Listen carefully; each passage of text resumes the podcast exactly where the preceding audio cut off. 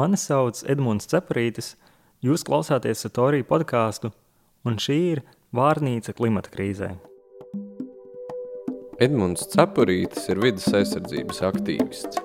Šajā rakstā viņš skaidro galvenās ar klimata pārmaiņām saistītās idejas, jēdzienus un parādības.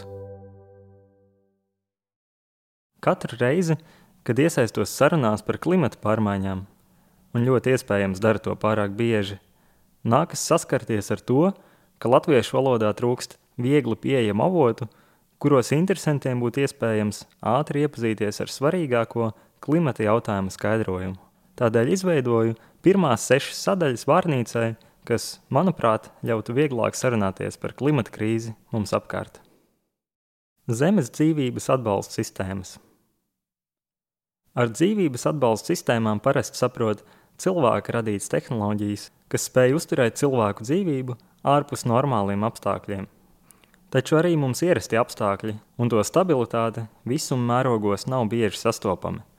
Tāpēc nebūtu pareizi tos uztvert kā pašsaprotamus un nemainīgus. Uz Zemes dzīvību nodrošina dažādas savstarpēji saistītas sistēmas - vielu un enerģijas plūsmas Zemes dzīvēs, atmosfērā, okeānos un ekosistēmās. Viens no vienkāršākajiem piemēriem ir ūdens riņķojums, kura pamata principus esam iekļāvuši skolu programmās. Tiem līdzās neredzamā veidā dzīvību uz Zemes palīdz uzturēt oglekļa, slāpekļa, fosfora un citu elementu riņķojums, kā arī neskaitāmi citi procesi, kuru kopumu sauc par Zemes dzīvības atbalsta sistēmām. Vairākas no šīm sistēmām var sabrukt un mainīties. Zemes vēsturē novēroti vairāki periodi, kura laikā dzīvo organismu skaits ir būtiski samazinājies. Starp tiem sevišķi izceļas pieci masveida izmiršanas gadījumi, kuros samērā īsā periodā izzuda liela daļa dzīvo radību. Lai arī pakāpenisks izmaiņas zemes dzīvības atbalsta sistēmās ir novērojams vienmēr, šie masveida izmiršanas gadījumi parāda strauju pārmaiņu postošās sekas. Vairākas no zemes dzīvības atbalsta sistēmām var ietekmēt cilvēku darbību. Runājot par jau šobrīd novērojamo sugu izmiršanu, zinātnē plaši tiek lietots termins sastā masveida izmiršana, kas pielīdzina mūsdienu cilvēku radītos traucējumus zemes sistēmu darbībā tiem apstākļiem, kas noveduši pie pieciem lielākiem izmiršanas gadījumiem pēdējo 500 miljonu gadu laikā. Klimata krīze Klimata krīze ir nesen pieņemts apzīmējums mūsdienu klimata pārmaiņām – kuras izraisījusi cilvēku darbība. Šis apzīmējums ļauj to nošķirt no dabisku cēloņu ietekmē daudz lēnāk noritošajām klimata pārmaiņām, kas vairāku tūkstošu gadu laikā pakāpeniski mainījušas Zemes dabu. Pēdējo 20 tūkstošu gadu laikā vidējā temperatūra uz Zemes ir pieaugusi aptuveni par 3 Celsija grādiem, bet cilvēku darbības ietekmē šādu pašu pieaugumu ir iespējams sagaidīt, un tas būs atkarīgs no mūsu izvēlēm – aptuveni simts gadu laikā. Salīdzinot ar pagātnes pieredzi, kurā lielākās temperatūras izmaiņas notikušas īsākā, ap 10 000 gadu ilgākā posmā, mūsdienu klimata pārmaiņu ātrums ir simts reizes straujāks. Tāpat kā efektu, kas rodas, ja gājējs saskrienas ar ļoti lēni, 2 km/h pretīm ejošu cilvēku, grūti salīdzināt ar to, kas sagaidāms, ja cilvēki notriec ļoti ātri 200 km/h braucoša automašīna. Izmaiņu ātrums ir ļoti svarīgs. Klimata sistēma ir būtiska Zemes dzīvības atbalsta sistēma daļa, jo tās radītās pārmaiņas temperatūrā un ūdens riņķojumā ietekmē teju visas pārējās Zemes dzīvības atbalsta sistēmas. Visas pazīmes liecina, ka dabisku procesu rezultātā izraisītas neparasti straujas klimata pārmaiņas, kas līdzīgas mūsdienu klimata krīzei, bijušas viens no galvenajiem iemesliem iepriekšējiem masveida izmiršanas gadījumiem. Paredzams, ka klimata krīze radīs vairākus riskus cilvēku drošībai, un tas izpaudīsies jau pavisam drīzā nākotnē. Lauksaimniecības ražas lielā mērā atkarīgs no stabilitātes un paredzamības, kas šobrīd kļūst arvien ļodzīgāka.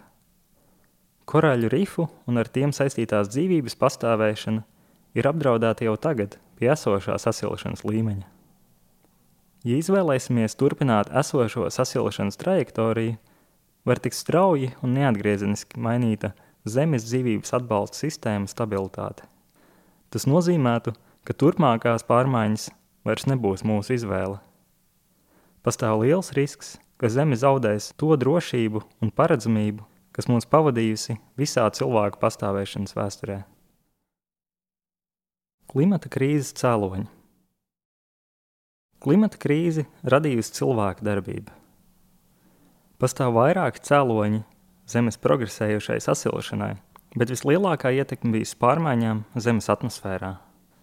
Jau vairāk nekā gadsimtu cilvēks galvenais enerģijas avots ir fosīlo resursu, akmeņogļu, naftas un dabasgāzes sadedzināšana, kuras laikā ogleklis no miljoniem gadu seniem krājumiem nonāk atmosfērā un pasaules okeānā. Cilvēku darbība kopumā palielinājusi oglekļa daudzumu atmosfērā par aptuveni 40%. Papildus tam pievienojot arī citu siltumnīcas efekta gāzu piesārņojumu. Tas radīs milzīgas pārmaiņas vienā no svarīgākajām Zemes sistēmām - enerģijas apmaiņā ar apkārtējo visumu. Siltumnīcas efekta gāzes neietekmē Saules starojumu nokļūšanu uz Zemes, bet aiztur daļu siltuma, kas no Zemes aizplūst. Tādēļ CO2 un citu gāzu pieaugums nozīmē, ka uz Zemes neizbēgami uzkrājas papildu siltums. Mūsu atmosfēras un klimata pētījumi šo procesu apstiprina no abām pusēm. Ir viegli pārbaudīt CO2 un citu siltumnīcas efekta gāzu līmeņa pieaugumu, kas savukārt palielina Zemes temperatūru. Tāpat ir būtiski palielinājusies Zemes virsmas temperatūra. Šim procesam nav atrodams neviens cits cēlonis, kā vien siltumnīcas efekta gāzu pieaugums. Protams, ka Zemes siltumu var mainīt arī citi procesi. Piemēram, Zemes orbītas, rotācijas asas un Saules starojuma izmaiņas. Tomēr neviens no šiem procesiem šobrīd nav mainījies tādā mērā, lai radītu novēroto Zemes sasilšanu. Tāpat nav atrodami nekādi citi avoti CO2 pieaugumam, bet tas skaidri norāda uz cilvēku darbību kā klimata krīzes cēloni. Uzticami viedokļi. Patiesība ir kaut kur pa vidu. Tā ir viena no mūsu laikmeta populārākajām frāzēm. Tomēr tās lietojums rada problēmu. Ja varam izdomāt un izplatīt bezgalīgi daudz dažādu viedokļu vienai no argumentācijas pusēm, mēs varam novirzīt viedokļu centru arvien tālāk no realitātes. Ja tirgus pārdevējs mums teiktu, ka mūsu izvēlētie tomāti sver vienu tonu, bet mēs apgalvotu, tie sver vienu kilogramu, mēs diez vai būtu ar mieru maksāt cenu par vidējo daudzumu - 500 kg, kas ir kompromiss starp abiem viedokļiem. Tā vietā mēs izvēlētos izmantot uzticamus svarus. Mūsu sabiedrībā pastāv dažādi uzticamas informācijas pārbaudas līdzekļi, kas pēc to darbības ir līdzīgi tirgus svariem. To uzdevums ir atmest neusticamu informāciju pirms mēģinam starp atlikušajiem viedokļiem atrast ticamāko patiesību. Mūsdienu zinātne ir izveidojusi informācijas pārbaudas sistēmu, kas ar retiem izņēmumiem ar šo uzdevumu tiek galā samērā labi. Zinātnes pārbaudas sistēmu veido uzticamību iegūjuši izdevumi, kas pirms publicēšanas izmanto vairākus filtrus, lai atsijātu neusticamos viedokļus.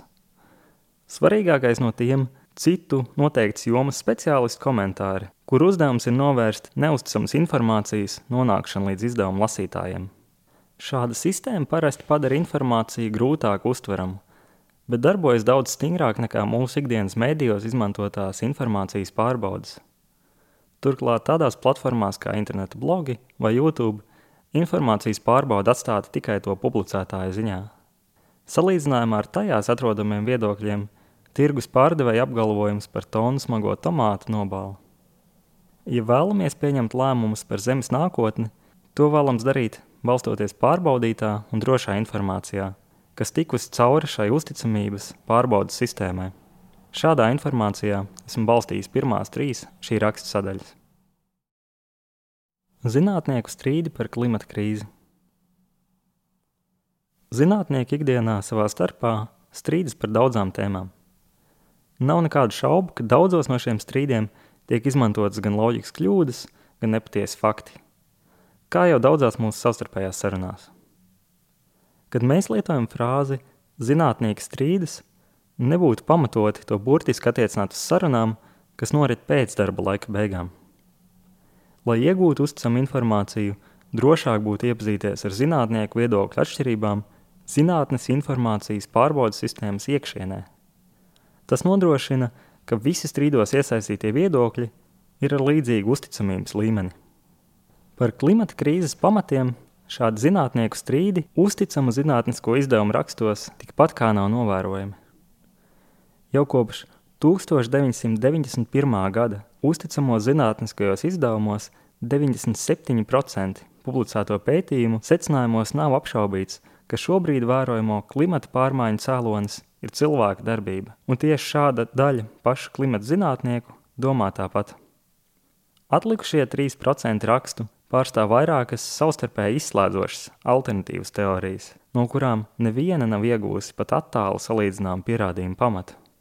Pārbaudot šos rakstus, proti, atkārtojoties aprakstītos pētījumus, nesen tika konstatēts, ka lielākajā to daļā secinājumu vairāku kļūdu dēļ nav piederīgi uzticamai zinātnes informācijai.